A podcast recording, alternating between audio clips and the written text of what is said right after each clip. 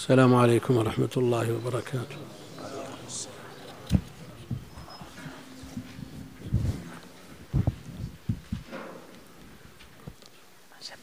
سم. الحمد لله رب العالمين وصلى الله وسلم على نبينا محمد وعلى آله وصحبه. قال رحمه الله تعالى كتاب الإقرار بالحقوق. ومن أقر بشيء واستثنى من غير جنسه كان استثناؤه باطلا. إلا أن يستثني عينا من ورق أو ورقا من عين ومن ادعي عليه شيء فقال قد كان له علي وقضيته لم يكن ذلك إقرارا.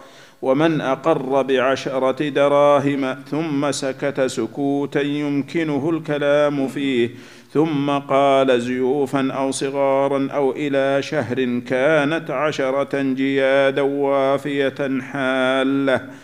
ومن أقر بشيء واستثنى منه الكثير وهو أكثر من النصف أخذ بالكل وكان استثناؤه باطلا.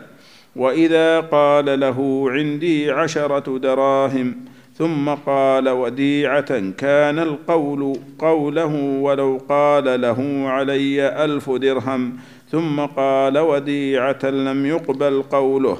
ولو قال ولو قال. نعم. ولو قال له علي. ولو قال له علي ألف درهم. ثم قال وديعة. ما, ما عندنا هذا. عجيب. ولو قال له علي ثم قال وديعة. وإذا قال له عندي عشرة دراهم ثم ثم- قال وديعة. كان القول قوله. خلاص. ولو قال له علي ثم قال وديعة. عندنا ولو قال له علي ألف؟ درهم. إيه عندنا. إيش عندك في الروضة؟ في آه، المغني. المغني؟ عندك في المغني كذلك. والزركشي. ألف بس درهم له علي ألف. طيب. وين هي؟ ورنيها نعم. ولو قال له علي ألف درهم ثم قال وديعة لم يقبل قوله. ولو قال له عندي رهن فقال المالك وديعة كان القول قول المالك. ولو مات فخلف ولدين فأقر أحدهما بأخ أو أخت لزمه أن يعطي الفضل الذي في يديه. لزمه أن يعطي الفضل الذي في يديه لمن أقر له به. وكذلك إن أقر بدين على أبيه لزمه من الدين بقدر ميراثه. وكل من قلت أو قلت. قلت. قلت. وكل من قلت القول قوله فلخصمه عليه اليمين. والإقرار بدين في مرض موته كالإقرار في الصحة إذا كان لغير وارث. وإن أقر لوارث بدين لم يلزم باقي الورثة قبوله إلا ببينة والعارية مضمونة وإن لم يتعدى في وإن لم يتعدى فيها المستعير والله أعلم. في ألف عندك مقصورة لا لا مقصود وإن لم يتعدى المست فيها. إيه. الحمد لله رب العالمين وصلى الله وسلم وبارك على عبده ورسوله نبينا محمد وعلى آله وصحبه أجمعين.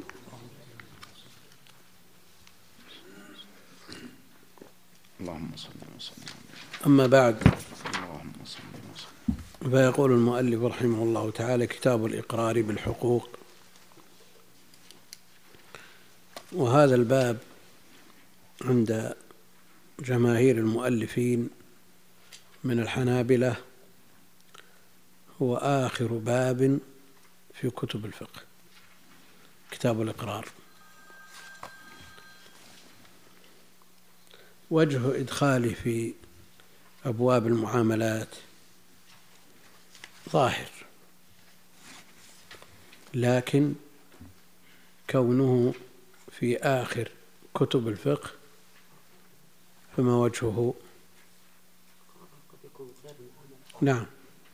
إقرار يتناول كثير من الأبواب ولذا أدخل فيه الإقرار بالنسب. وما يترتب عليه من التأثير في الإرث فهو يتن... كما يتناول المعاملات يتناول أبواب الأنكحة والجنايات وغيرها. وكونه يعقب بجميع الأبواب ليكون العالم والمتعلم الذي يريد أن يقرر مسائل هذا الباب يكون على ذكر من الأبواب كلها يكون انتهى من جميع الأبواب. كتاب الإقرار بالحقوق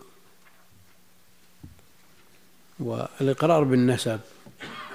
هل هو إقرار بحق؟ نعم. بحق وحق نعم. بحق. وإن لم يكن ماليا في بعض الصور إلا أنه يؤول إلى المال أحيانا. وليس النسب أعظم من المال يا شيخ بلى. بلى.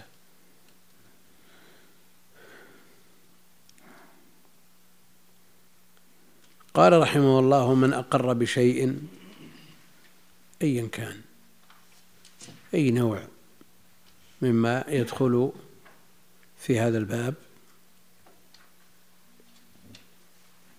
قليلا كان أو كثيرا لأن شيء نكر في سياق الشرط قر اعترف.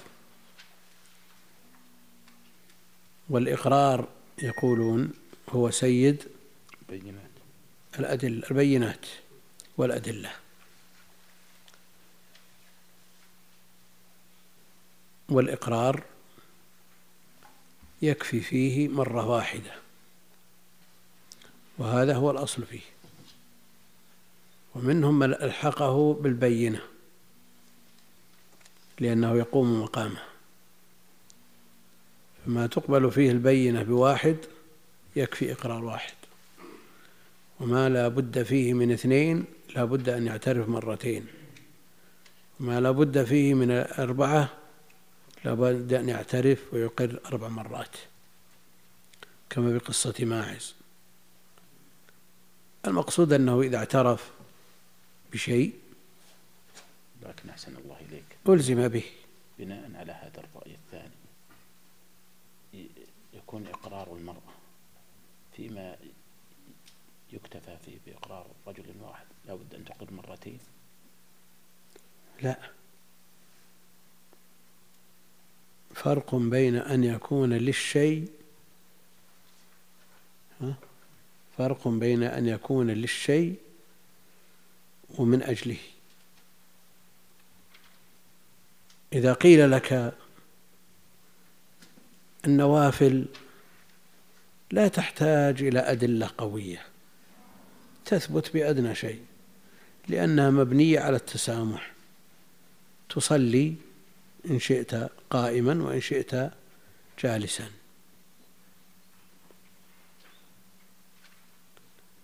هل يستقيم الاستدلال على هذا؟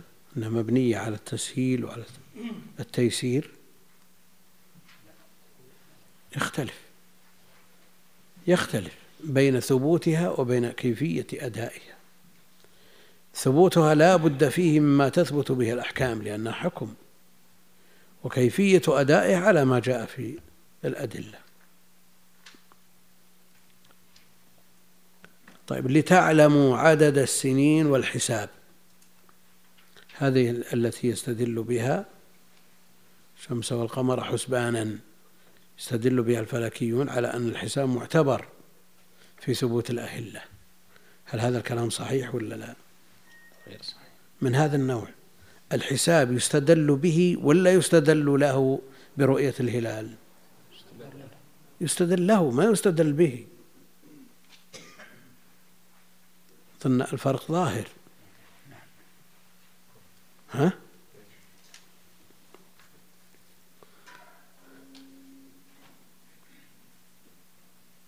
من أقر بشيء واستثنى من غير جنسه. بأن كان الاستثناء منقطعا فيكون المستثنى من غير جنس المستثنى منه. لو قال عندي له ألف كيس إلا حمار يصلح ولا ما يصلح؟ يقول كان استثناؤه باطلا. طيب إذا تقارب الجنسان عندي خمسمائة صاع قمح إلا مئة صاع شعير. يصلح ولا ما يصلح؟ يقول من غير جنسه والشعير من جنس القمح على قول. يصلح ولا ما يصلح؟ لأنه بيتوصل إلى المسألة التي بعدها.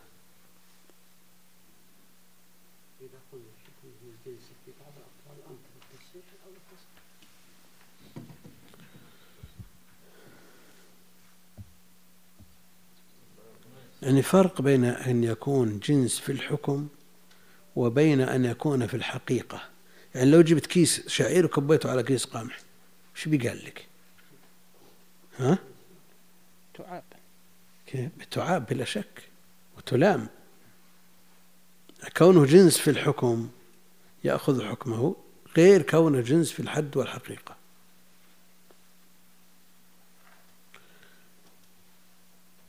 واستثنى من غير جنسه كان استثناؤه باطلا. إلا أن يستثني عينا من ورق أو ورقا من عين. يستثني ذهب من فضة أو من فضة أو فضة من من ذهب. عندي له ألف درهم إلا عشرة دنانير. الذهب الذهب نعم. عندي له ألف درهم إلا عشرة دنانير. لأنها متساوية في كونها قيم قيم الأشياء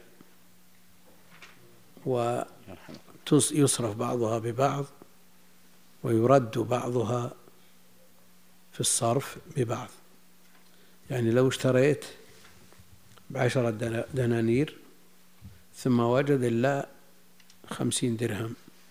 شريت بعشرة وأعطيته خمسة عشر أو عشرين عملة واحدة. شريت بدينار مثلا. اشتريت بدينار أو بنصف دينار. قال لك بكم؟ قال نصف دينار. ثم ما صار معه نصف دينار معه خمسة دراهم. تقبل ولا ما تقبل؟ والصرف عشرة. تقبل لأن هذا يقوم مقام هذا كلها قيم. لكن لو قال لك اشتريت بدينار بنصف دينار وأعطيته واحد كامل ثم وجد نصف دينار وقال خذ الثوب. لا تقبله باعتباره قيمة لكن تقبله باعتباره معاوضة. أي معاوضة كانت؟ يمكن أنت ما عندك استعداد تجي لمه مرة ثانية. أو رأيت أن الثوب أيضا. يسد حاجة لك. فيكون بيعا. وهذا يختلف عما إلا أن يستثني عينا من ورق. قلت عندي لو عشرة آلاف ريال إلا ألف دولار. يصلح ولا ما يصلح؟ ولا مثله. ها؟ شو؟ إلا أن يستثني عينا من ورق أو ورقا من عين. ما يصلح؟ شو؟ وش لا هذه يمكن خلطها وتجمع في الزكاة وتجمع في الذهب والفضة. لا ما تجمع شعير مع قمح الزكاة؟ هذه يقع بينها التصارف. ها؟ هذا على القول بأنهم جنس واحد. نعم.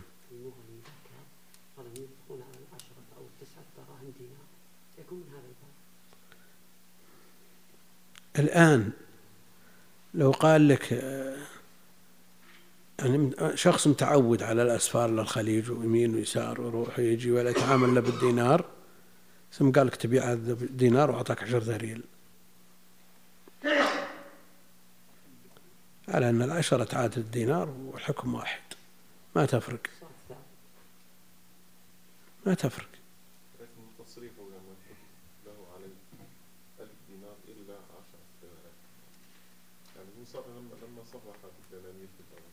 إيه؟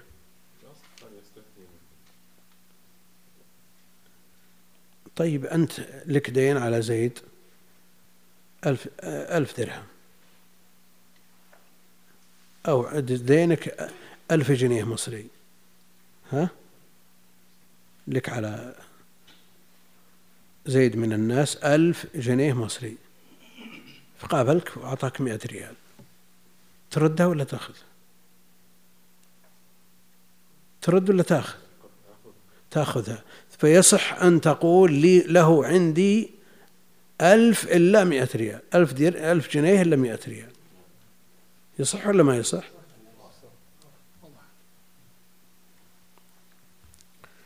إلا أن يستثني عينا من ورق أو ورقا من عين. لا سيما أن الآن البيوع في بعض البلدان العربية يستنكفون أن يبيعوا بعملتهم. فتجد التعامل بينهم بالدولار.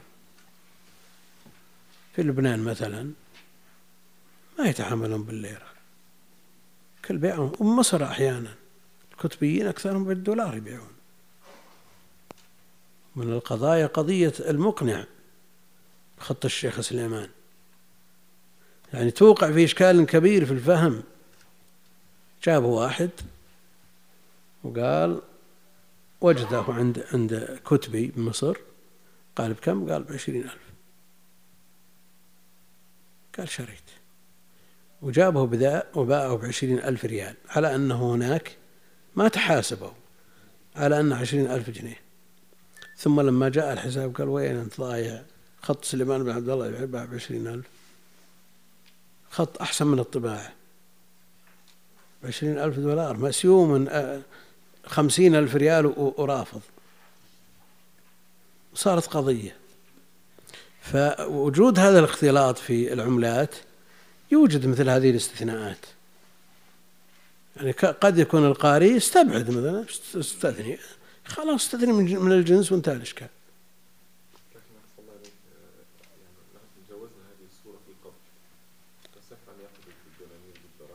يقبض إيه.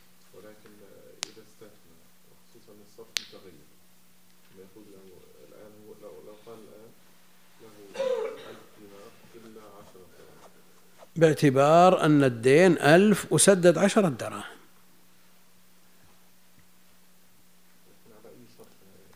المهم تحسم هالعشرة الدراهم. كما أنه غير ثابت الذهب غير ثابت بعد.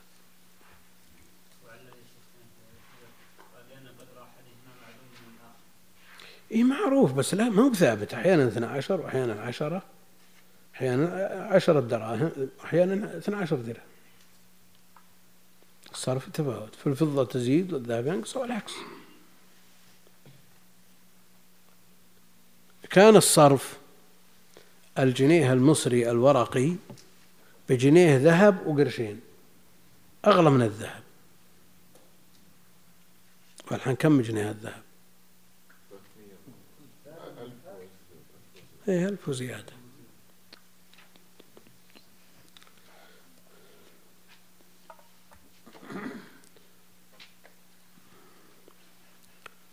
ومن دعي عليه شيء فقال قد كان له علي وقضيته.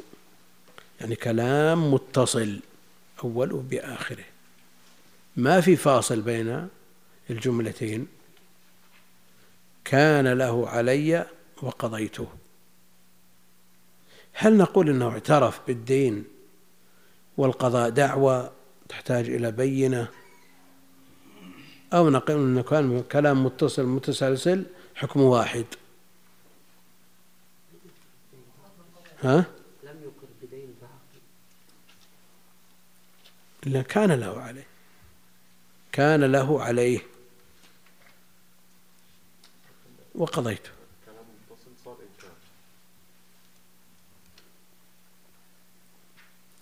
قال ومن دعي عليه شيء فقال كان له علي دي علي وقضيته لم يكن ذلك إقرارا لأنه مقرون بالإنكار لأنه مقرون بالدفع.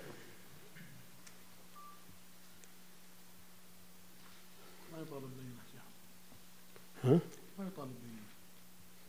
لا هو باعتباره جملة واحدة متصلة. ما ثبت شيء لكن ما قال شيء ذكر خلاف المغني؟ هذا الأظهر نعم. بسم الله الرحمن الرحيم حكى ابن موسى في هذه المسألة روايتين إحداهما أن هذا ليس بإقرار اختاره القاضي وقال لم أجد عن أحد رواية بغير هذا والثانية أنه مقر بالحق مدع لقضاء فعليه البينة بالقضاء وإلا حلف غريمه وأخذ واختاره أبو الخطاب وهو قول أبي حنيفة لأنه أقر بالدين وادعى القضاء فلم تقبل دعواه. كما لو ادعى القضاء بكلام منفصل ولأنه رفع جميع ما أثبته فلم يقبل كاستثناء الكل. وللشافعي قولان كالمذهبين ووجه, ووجه قول الخرقي أنه قول متصل يمكن صحته. ولا ولا تناقض فيه. فوجب أن يقبل كاستثناء البعض. وفارق المنفصل لأن حكم الأول قد استقر بسكوته عليه. فلم يمكن رفعه بعد استقراره ولذلك لا يرتفع بعضه باستثناء ولا غيره. فما يأتي بعده من دعوى القضاء يكون دعوى مجردة لا تقبل إلا ببينة. وأما استثناء الكل فمتناقض لأنه لا يمكن أن يكون عليه ألف وليس عليه شيء. انتهى. كأن الرواية الثانية أقعد. في الإقرار. ها؟ لأنه مقر بالحق. مقر. نعم. ما يمكن يقال إن قصد ذات المال ادعي عليه به يبقى الأصل أنه أقر ويحتاج إلى بينة قضاء. وإن قصد مال غير هذا فالمسألة لا يعتبر والله كأن الرواية الثانية هو أنه أقر وادعى أنه وفى. هذه أقعد. يطالب. إيه. على الرواية الثانية. خلاف ما اختاره الخرقي. هو أقر لكن ثم يدعي أنه سدد. ها؟ شلون ما ثبت يؤاخذ بإقراره يؤاخذ بإقراره كسائر ما يكون فيه طرفان. واحد طرف له وطرف عليه. فيؤاخذ بما له ولا ما عليه. يعامل بالطرفين. واحد شخص ادعى انه شريف من آل البيت. ترتب كل الأحكام على هذه الدعوة. إنما تحرم من الزكاة. ها؟ تحرمه من الزكاة. وأيضا ولا تعطيه من الخمس إلا ببينة. نفس الشيء نعم شيخ لو قلنا بالقول الثاني كيف سيعبر عن الحال؟ ما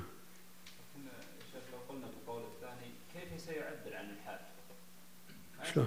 الحال يقول ما عندي شيء. لو صار معت- معترف لو صار مسدد يقول ما عندي شيء. إيش يقر؟ تنقلب ويصير مطالب بالمدة يعني. لا يطالب بشيء. قال عنده لي قال ما عندي شيء. خلاص. باعتبار إن المسدد ما خلاص ما بذمته شيء. ويصح نفيه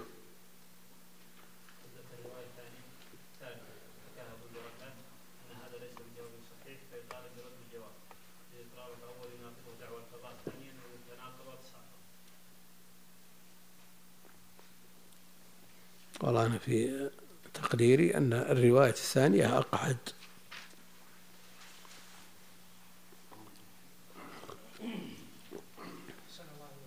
ها إيش رأيك الشيخ؟ والله يا شيخ ما أدري لكن هما خبران من مخبر واحد عن مخبر به واحد. فإذا قبلنا خبر في الأول فما الذي يمنع أن نقبل خبر طيب الثاني؟ آه، ادعى إنه ادعى إنه من أهل البيت. مخبر واحد. لا شك لكن مجرد دعوة لم ينفها. لكن هنا ادعى ونفى لا لا هي مضمنة. دعوى نفى يا شيخ. دعوى مضمنة لحكمين أو لأحكام. يطالب بما يلتزم به من أجل إقراره ولا ينتفع بهذا الإقرار. لا يجلب لنفسه نفع لأنه من نفسه لكن هل هنا ال- الإقرار غير مطابق للدعوة الدعوات لأن له عليه شيء. إيه؟ فإما أو لا لكنه أقر وادعى ما ينفع نفس الشيء. ليس له إلا ذلك وين؟ يعني إذا ادعى هذا ما إذا قضى ما صح أنه أن ينفي. إذا كان قد قضاه يصح أنه ينفي يقول ما عندي له شيء. لكن أحسن الله إليك. لو كان عنده بينة على ما ادعى به عليه. ول- ولكن لا هذه البينة لا تعلم بالقضاء وليس عند هذا ال- نفس الشيء. الإقرار مثل البينة. الإقرار مثل البينة يلزم به ثم يطالب بما يؤيد دعواه أنه قضى. هذه مشكلة يا شيخ يعني لا يمكن أن يعرف تعرف القضية إلا بهذا. شو المانع أن يقول لا ما لا ما عندي له شيء؟ إذا قال هذه الورقة يا شيخ. لا خلاص يلزم هالورقة أحسنت. لكن إذا كان قد قضى. يدعي أنه قضى لكن لا بد أن يثبت. يثبت دعوة هذه دعوة. لم يكن ذلك إقرارا من أقر بعشرة دراهم ثم سكت سكوتا كان يمكنه الكلام فيه ثم قال يعني وصفها ثم قال زيوفا يعني مغشوشة أو صغارا يختلف وزنها عن السائد أو إلى شهر مؤجلة. يعني لو كان الوصف مباشر الوصف مباشر عندي له عشرة زيوف عندي له عشرة صغار عندي له عشرة مؤجلة. كانت عشرة جيادا وافية حالة. هذا إذا انفصل الوصف. ومن أقر بشيء واستثنى منه الكثير يعني الأكثر اللي هو أكثر من النصف. أما الكثير لا. إذا قال عندي له ألف إلا ثلاثمائة ثلاثمائة كثيرة ليست قليلة لكن ليست هي الأكثر. المقصود بالكثير هنا الأكثر لأنه قال وهو أكثر من النصف أخذ بالكل أخذ بالكل وكان استثناؤه باطلا لأنه لا يجري على سنن لغة العرب بل قالوا إنه لكنة أن يستثني أكثر من النصف. الآن أن تقول تؤرخ لثمان أو تسع عشرة ليلة بقين من شهر ربيع الثاني أو تقول لإحدى عشر خلونا. نعم. التاريخ يعمل بالأقل لكن لو صرت بعشرين فما بعد؟ تقول بقينا. فاستثناء الأكثر لكنة. ومن هذا الباب قالوا أنه يؤاخذ بالكل. وكان كان استثناؤه باطلا. نعم. معروف عندهم في لغتهم متداول عندهم في لغتهم. إيه إما أن يؤاخذ بلفظه أو بقصده. هل قصده في لغته يحتمل مثل هذا؟ ها؟ ينظر في قصده. إذا كان معروف ومتداول في عرف من يستثنى أكثر من النص يجرى عليه لماذا منع الاستثناء يعني ما كان سواء قال زيوفا أو إلى شهر وجه كونه لا يقبل فيه الاستثناء لأنه فصل. الأصل أنه اعترف بالصحاح.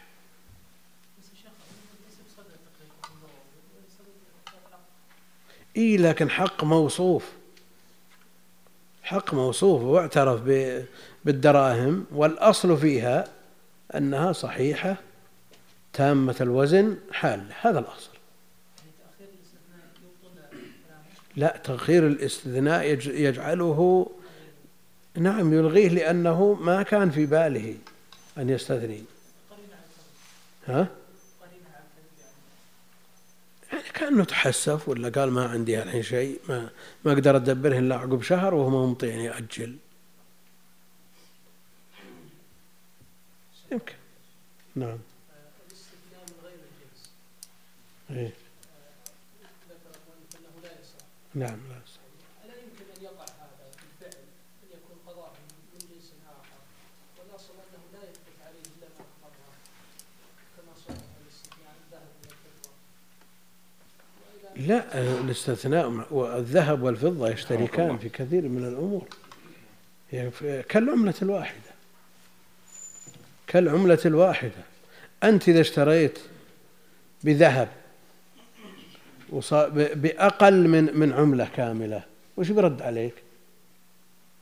اشتريت بدرهم ما قيمته أقل من درهم يرد لك دوانق بيرد لك. فهذه قيم ينب بعضها عن بعض. وتقوم بها الأشياء.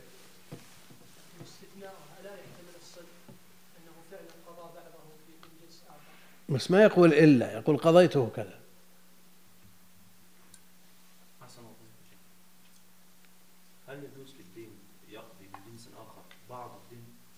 إذا لم يفترقا وبينهما شيء. لم يفترقا وبينهما شيء. في الصرف الذي يجري فيه الربا.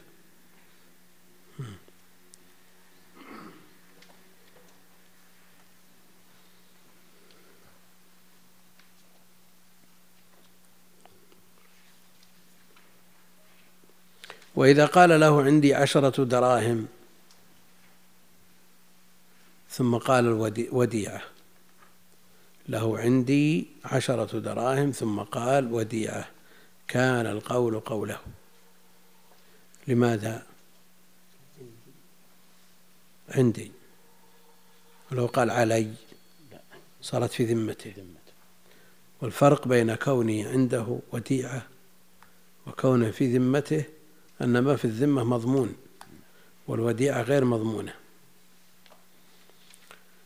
وإذا قال له عندي عشرة دراهم ثم قال وديعة كان القول قوله. ولو قال أنا عندنا العكس يعني نقدم من الخبر على الاسم كان القول قوله. يجوز ولا ما يجوز؟ يجوز.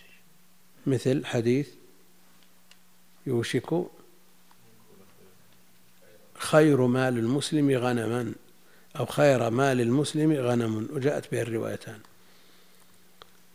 ولو قال له علي ألف أو ألف درهم ثم قال وديعة لم يقبل لأن العندية مطابقة للوديعة. وعلي يعني في ذمته. لم يقبل قوله ولو قال له عندي رهن. عندي رهن فقال المالك وديعة كان القول قول المالك. لو قال له عندي رهن. فقال المالك وديعة. كان القول قول المالك. لماذا؟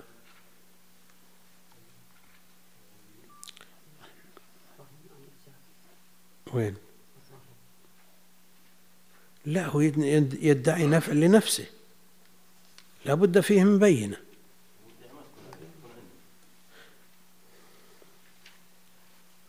الوديعة عنده والرهن عنده. الرهن عنده والوديعة عنده.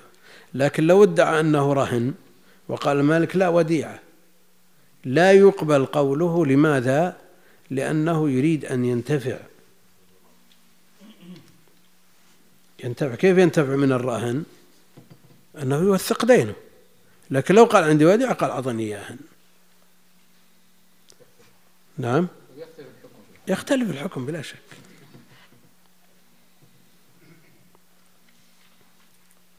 ولو مات فخلف ولدين. ولو مات فخلف ولدين فأقر أحدهما بأخ أو بأخت. لزمه أن يعطي الفضل الذي في يديه لمن أقر له.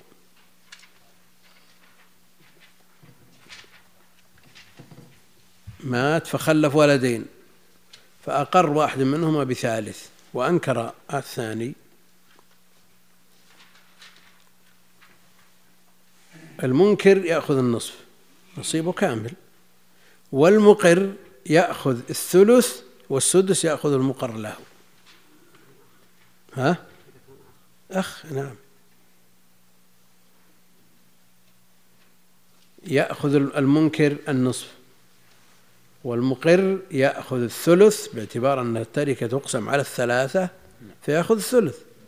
ويبقى للمقر له السدس نصف الثلث والنصف الثاني عند المنكر. أو بأخت كذلك. تأخذ نصيبها يعني المال يكون من خمسة.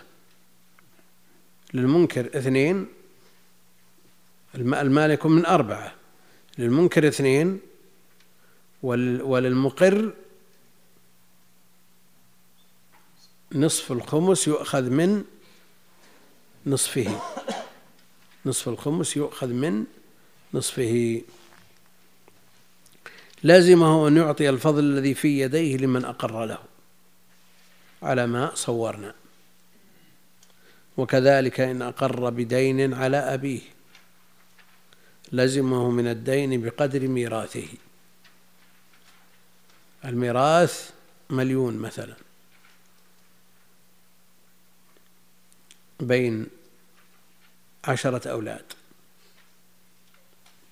قال واحد منهم لنا أخ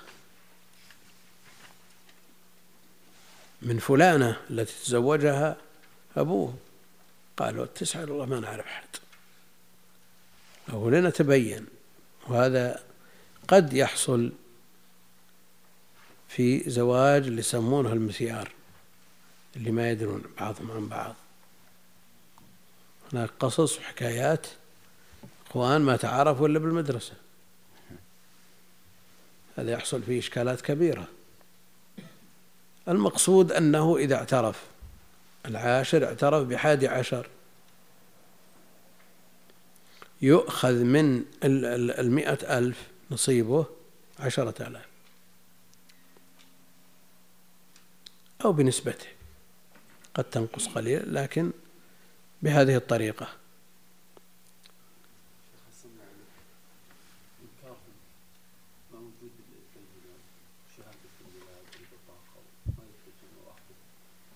إذا وجد بالبطاقة بدفتر العائلة أخوهم هذا لكن ما ما يدخلونه. المسيار ما يدخلونه. حج هاربين من المشاكل هم يدخلوا بالبطاقة.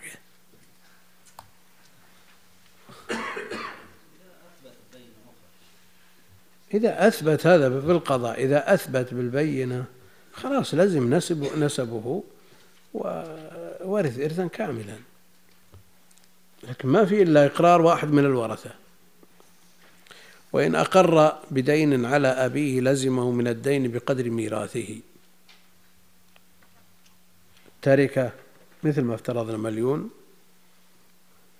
وقال واحد من الورثة أنا أعرف اللي فلان من الناس على أبي مبلغ مئة ألف. فيقسم تقسم التركة فيأخذ نصيبه من التسعمائة ويأخذ إخوانه أنصباءهم من المليون. وكذلك إن أقر بدين على أبيه لزمه من الدين بقدر ميراثه. ها؟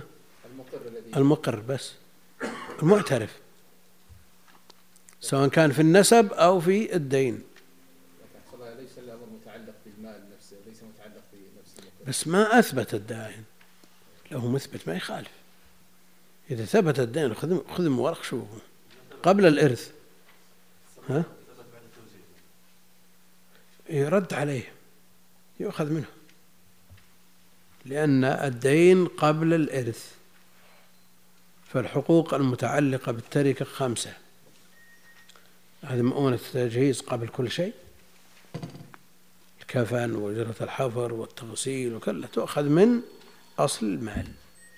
ثم بعد ذلك الديون المتعلقة بعين التركة الدين اللي فيه رهن مثلا. هذا يقدم على غيره. ثم الديون المرسلة لما فيها رهن تقدم. ثم الوصية ثم الإرث.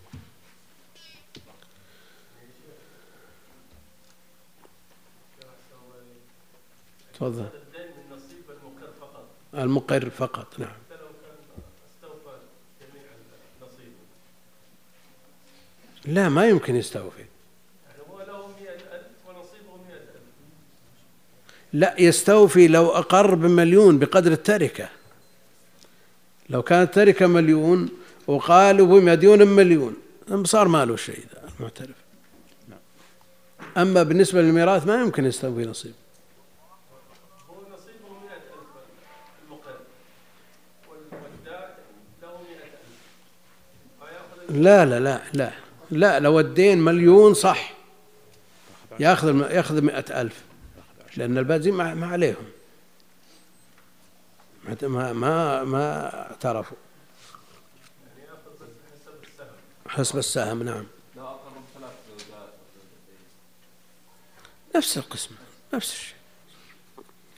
اللهم صل وسلم. يقول المؤلف رحمه الله تعالى وكل من قلت القول قوله فلخصمه عليه اليمين وهذا مقرر عند الحنابلة وغيرهم. يعني من يقبل قوله بلا بينة فإنه يلزمه اليمين. وفي الباب الذي قبله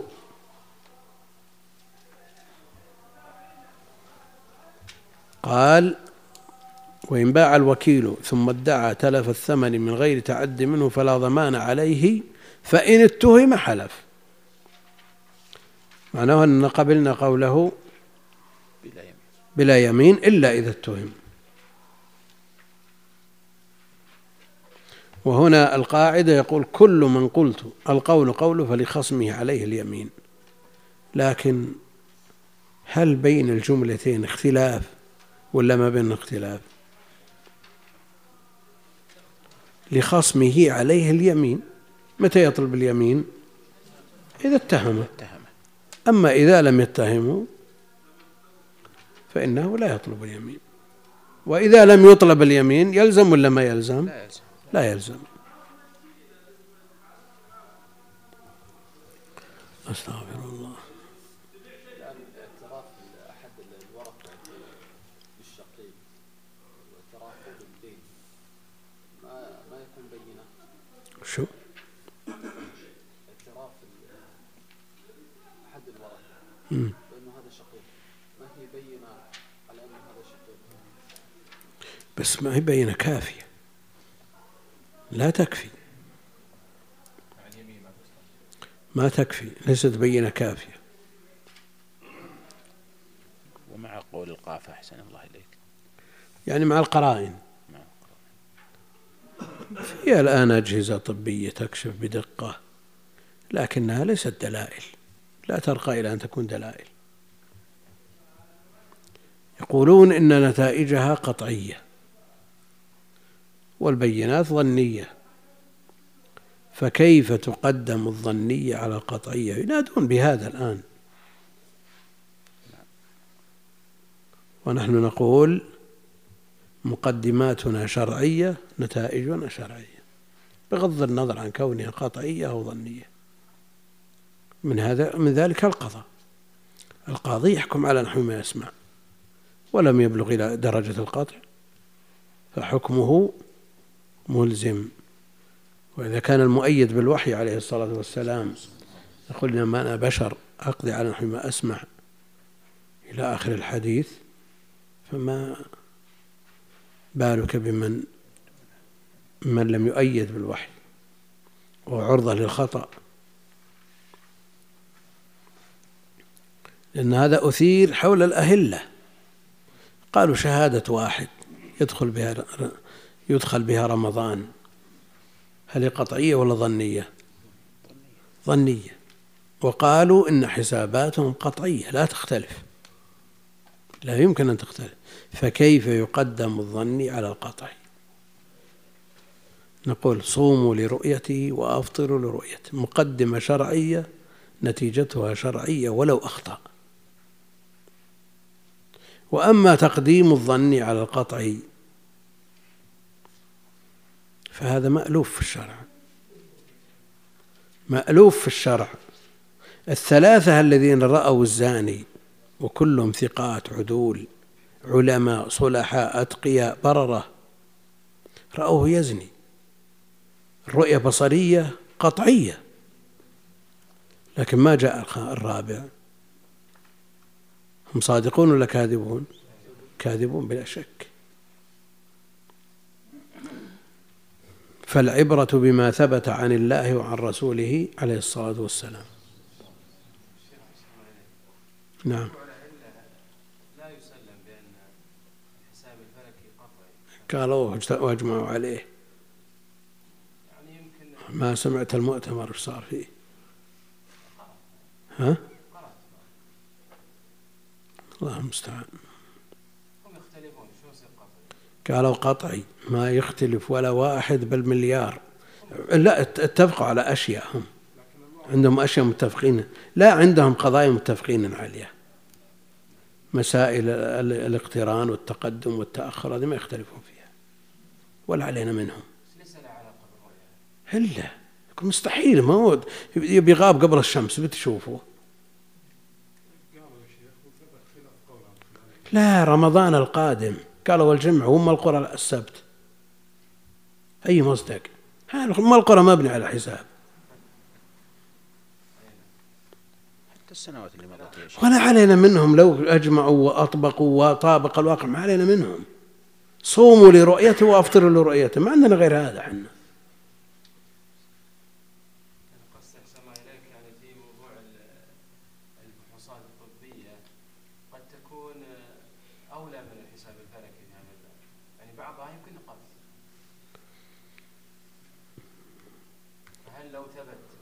الآن الآن حينما يقرر لجنة من الأطباء ويكررون الفحص ويطلع بالنتائج مرارا على مر الأشهر أن هذا الولد الجنين مشوه تجزم ويطلع من أحسن الناس. وحصل كثير هذا ما هو بواحدة واثنين وعندهم نتائجهم قطعية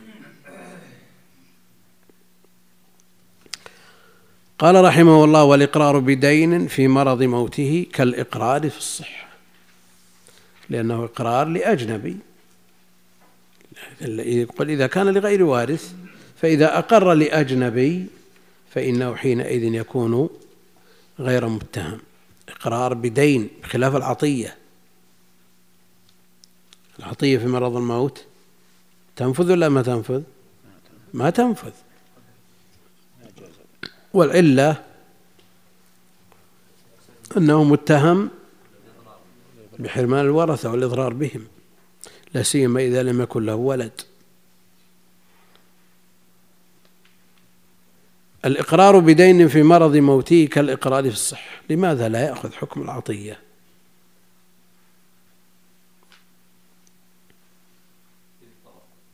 ها؟ والعطية في طرف ثالث. والدين في طرف ثالث. طيب حق لكنه يقصد حرمان الورثة بس فيها إبراء ذمة تعلق بها لا الفرق بينهما دقيق أن العطية المعطى لن يتردد في الأخذ والمقر له بالدين ما هو بأخذ إلا إذا كان ما له ذمة. فهذا الذي يجعل ذا أسهل من ذاك. المعطى بدون مقابل بيأخذ لكن هذا إذا كان أقر له بدين وما له دين بينفيه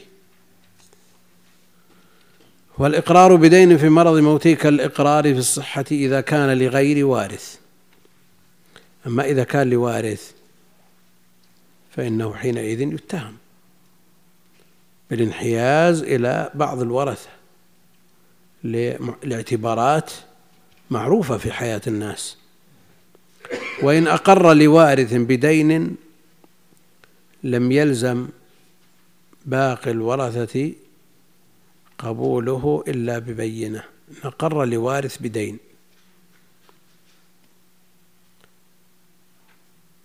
الإقرار بدين في مرض موتك الإقرار بالصحة إذا كان لغير وارث. وإن أقر لوارث بدين لم يلزم باقي الورث قبوله إلا ببينة. ببينة من الأب أو من الابن من المورث أو من الموروث. لكن صار موجود المورث. قال لي ولدي عندي له مبلغ كذا.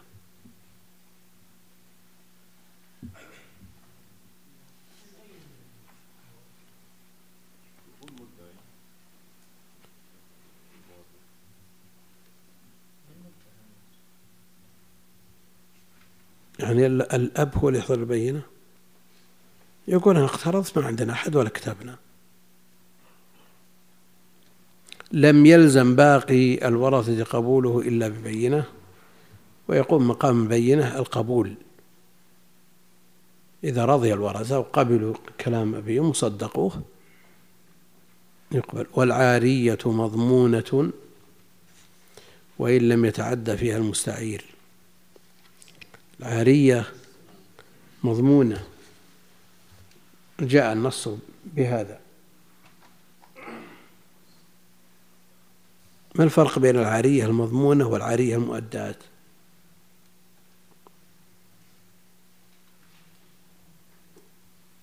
في قصة صفوان لما استعار منه النبي عليه الصلاة والسلام السلاح. قال عارية مضمونة؟ قال نعم.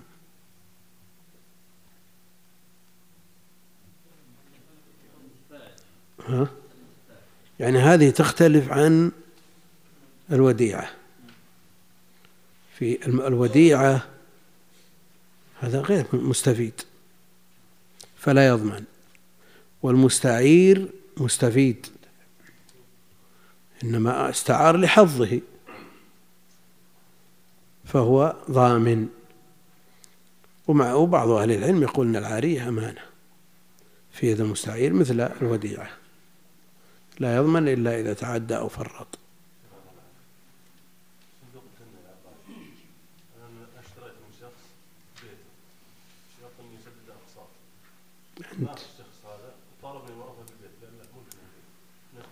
أولا البيت مرهون.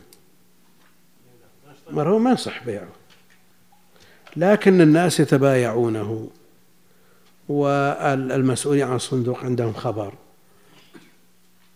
إن هذا دخل مدخاله خلاص لكن الإشكال إذا مات اللي باسمه القرض عفي عنه. العفو عن من اللي شرى البيت يقول خلاص بنسدد عفي عنه والورثة يقول لا العفو مو بلك العفو لمورثنا حصل إشكالات كثيرة جدا بسبب هذا وكله سببه التساهل في مخالفة العقود الصحيح والتحايل عليها. مش قال المغني على الجملة الخير والعارية. ها؟ يعطني إياه قال رحمه الله العارية إباحة الانتفاع بعينه من أعيان المال مشتقة من عار الشيء إذا ذهب وجاء منه قيل للبطال عيار لتردده في بطالته والعرب تقول أعاره وعاره مثل أطاعه وطاعه والأصل فيها الكتاب والسنة والإجماع أما الكتاب فقول الله تعالى ويمنعون الماعون روي عن ابن عباس وابن مسعود رضي الله عنهما أنهما قال العواري وفسرها ابن مسعود فقال القدر والميزان والدلو وأما السنة فما روي عن النبي صلى الله عليه وسلم أنه قال في خطبة عام حجة الوداع العارية مؤداة والدين مقضي والمنح- والمنحة مردودة والزعيم غالي. أخرجه الترمذي وقال حديث حسن غريب وروى صفوان بن أمية أن النبي صلى الله عليه وسلم استعار اللهم صل على عليه فقال أغصبا يا محمد؟ قال بالعارية مضمونة رواه أبو داود. وأجمع المسلمون على جواز العارية واستحبابها ولأنه لما جازت هبة الأعيان جازت هبة المنافع. ولذلك صحت الوصية بالأعيان والمنافع جميعا. إذا ثبت هذا فإن العارية مندوب إليها وليست واجبة في قول أكثر أهل العلم. وقيل هي واجبة للآية. ولما روى أبو هريرة أن النبي صلى الله عليه وسلم قال ما من صاحب إبل لا يؤدي حقها الحديث. قيل يا رسول الله وما حقها؟ قال إعارة دلوها وإطراق فحلها ومنح- ومنحة لبنها يوم يوم ولدها فذم الله تعالى مانع العارية وتوعده رسول الله صلى الله عليه وسلم فيما ذكر في خبره. ولنا قول النبي صلى الله عليه وسلم إذا أديت زكاة مالك فقد قضيت ما عليك. رواه ابن المنذر. الوعيد الوعيد في قوله فويل للمصلين الذين هم من صلاتهم ساهون الذين هم يراءون ويمنعون الماعون. هل الوعيد منصب على الجميع أو على المفردات؟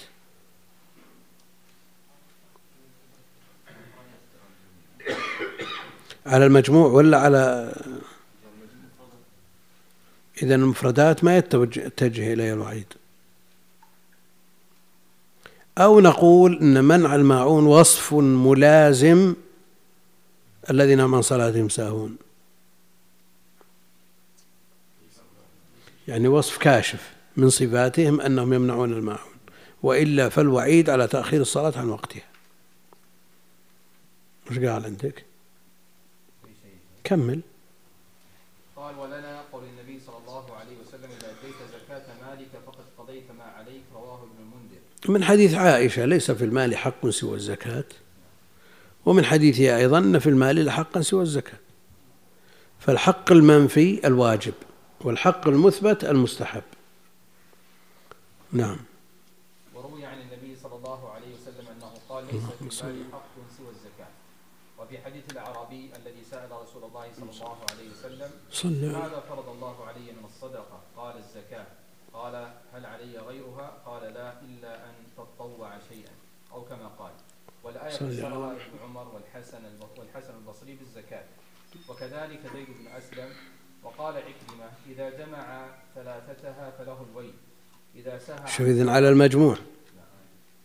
إذا سهى عن الصلاة وراء ومنع الماعون ويجب رد العارية إن كانت باقية بغير خلاف ويجب ضمانها إذا كانت تالفة تعدى فيها المستعير أو لم يتعدى. روي ذلك عن ابن عباس وأبي هريرة رضي الله عنهما. وجحدها جحد العارية. يوجب القطع. يوجب القطع ولا ما يوجب؟ يوجب القطع. حديث المخزومية حديث المخزومية في الصحيحين. أن امرأة كانت تستعير المتاع تجحده. هل القطع بسبب الجحد أو أن الجحد صار وصفا لها فسرقت فقطعت؟ إن كانت تسرق وتستعير. بعض الروايات القطع بسبب الجحد ولا بسبب السرقة لكنها عرفت بهذا الوصف أنها تستعير المتاع وتجحده لأن السرقة لأن حد السرقة له شروط.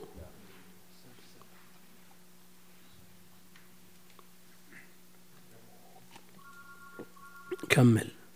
وإليه ذهب عطاء والشافعي وإسحاق وقال الحسن والنخعي والشعبي وعمر بن عبد العزيز والثوري وأبو حنيفة ومالك والأوزاعي وابن شبرمة هي أمانة لا يجب ضمانها إلا بالتعدي. لما روى عمرو بن شعيب عن أبيه عن جده أن النبي صلى الله عليه وسلم قال ليس على المستعير غير المغل ضمان ولأنه قبضها بإذن مالكها فكانت أمانة كالوديعة قالوا وقول النبي صلى الله عليه وسلم ولأنه قبضها. ولأنه قبضها؟ بإذن مالكها فكانت أمانة كالوديعة بس هناك فرق بينها وبين الوديعة. هناك فرق والقاعدة الغنم مع الغرم. فهذا غانم المستعير غانم بخلاف المودع. نعم قالوا وقول النبي صلى الله عليه وسلم العارية مؤداه يدل على أنها أمانة لقول الله تعالى إن الله يأمركم أن تؤدوا الأمانات إلى أهلها ولنا قول النبي فرق بين أن تكون مؤداة مع وجودها أو مؤداة مطلقا. فتكون مضمونة لأن إما أن تؤدى أو يؤدى بدلها. إذا ضمن أداؤها. نعم. ولنا قول النبي صلى الله عليه وسلم في حديث صفوان بل عارية مضمونة. وروى الحسن عن سمرة عن النبي صلى الله عليه وسلم أنه قال على اليد ما أخذت حتى تؤديه رواه أبو داود الترمذي وقال حديث حسن غريب ولأنه أخذ ملك غيره لنفع نفسه منفردا بنفعه من غير استعطاء ولا إذن في الإتلاف فكان مضمونا كالغصب والمأخوذ على وجه السوء. وحديثهم يرويه عمر بن عبد الجبار عن عبيد بن حسان عن عمرو بن شعيب وعمر وعبيد ضعيفان قاله الدار قطني. ويحتمل أنه أراد ضمان المنافع والأجزاء وقياسهم منقوض بالمقبوض على وجه السوء. اللهم صل على محمد وعلى آله وصحبه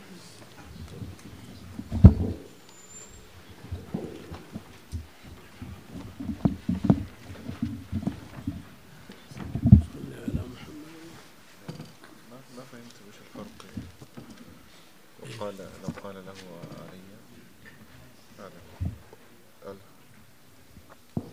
رهن لو قال له عندي رهن فقال الملك وديعة كانت تنقل المالك إيه. لما قدمنا قال المالك ما فهمت. لأن مدعي الرهن يدعي انتفاعا لنفسه. لأنه لو قال وديعة قال هات ويلزمه دفعه. لكن لو رهن حتى يسدد المال. فيقي بذلك ماله منتفع. قدمنا إيه. أي نعم كانت في جريدة الأخبار المطروطي فيما دخل في برنامج على قناة الدين يقول على إيش؟ يجوز في برنامج على قناة إيه. الدليل من أحد المحاضرين في جامعة الإمام. ترد عليه مستقبل لكن هو يجوز. وما من الكتاب يبين الكتب التي فيها إلحاد ويستدل بأن التراث الإسلامي كتب شيخ الإسلام والذهبي فيها نقولات م- مقالات إقرار ولا رد؟ هي رد لكن هو نعوذ بالله من الضلال. نعوذ الضلال